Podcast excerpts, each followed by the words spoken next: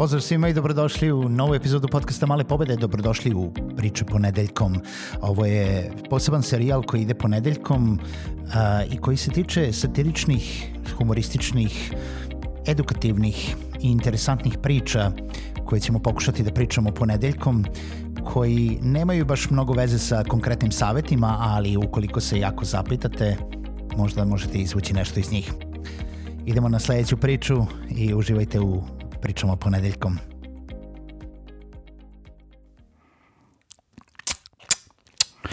Faljeni su čeljadi. U današnjoj priči divanit ćemo o jednom prosječnom danu u životu preduzetnika Bunjevca i pokušat ćemo dočarati zgode i nezgode s kojima se susrićemo. Dan jednog preduzetnika Bunjevca započinje tu negdje kad prvi petao zapiva.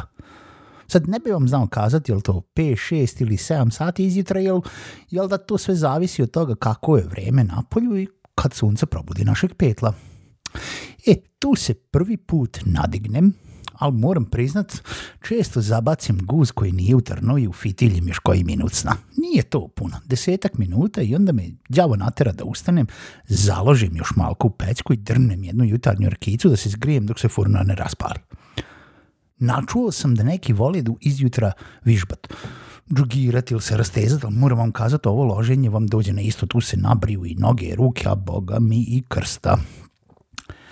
E sad, tu digod oko 7.45, 46, vreme je da se i ode do kancelarije. Nije to na kraj svita, ali nije baš ni za špacirung, pogotovo ne nakon onog loženja. No zato je tu Jugić uglavnom kresne iz prve, a leti ne treba ni trunke sa sauga. Ma prava makina deda je znao šta treba kupit, nema šta. Sad će svi pomisliti da je moj posao neki od onih starih zanata, da tu neko valjam neke krave i neko oranje i tako, ali prevarili biste se.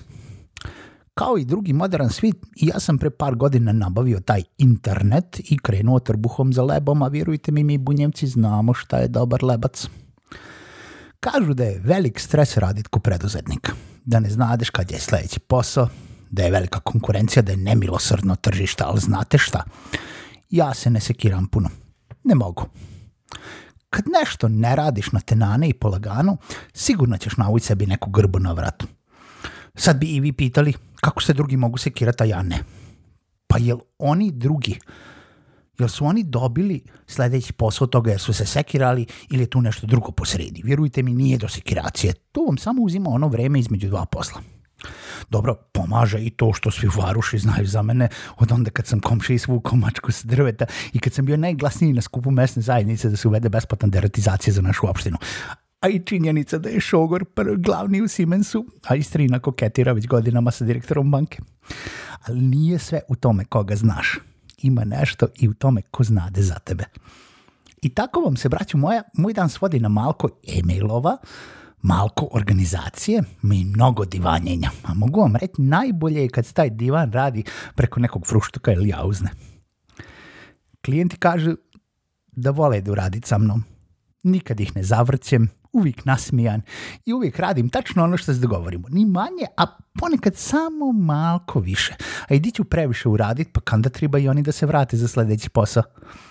To vam je, dicu moja, jedan prosječan dan u životu preduzetnika Bunjevca. Svega tu ima. Ali najbitnije je da se radi polagano na tenani i uz dobro raspoloženje.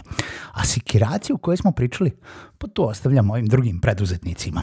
Vama, dragi moji, preporučujem da se manje sikirate i više radujete, a posao, posao će se već riješiti.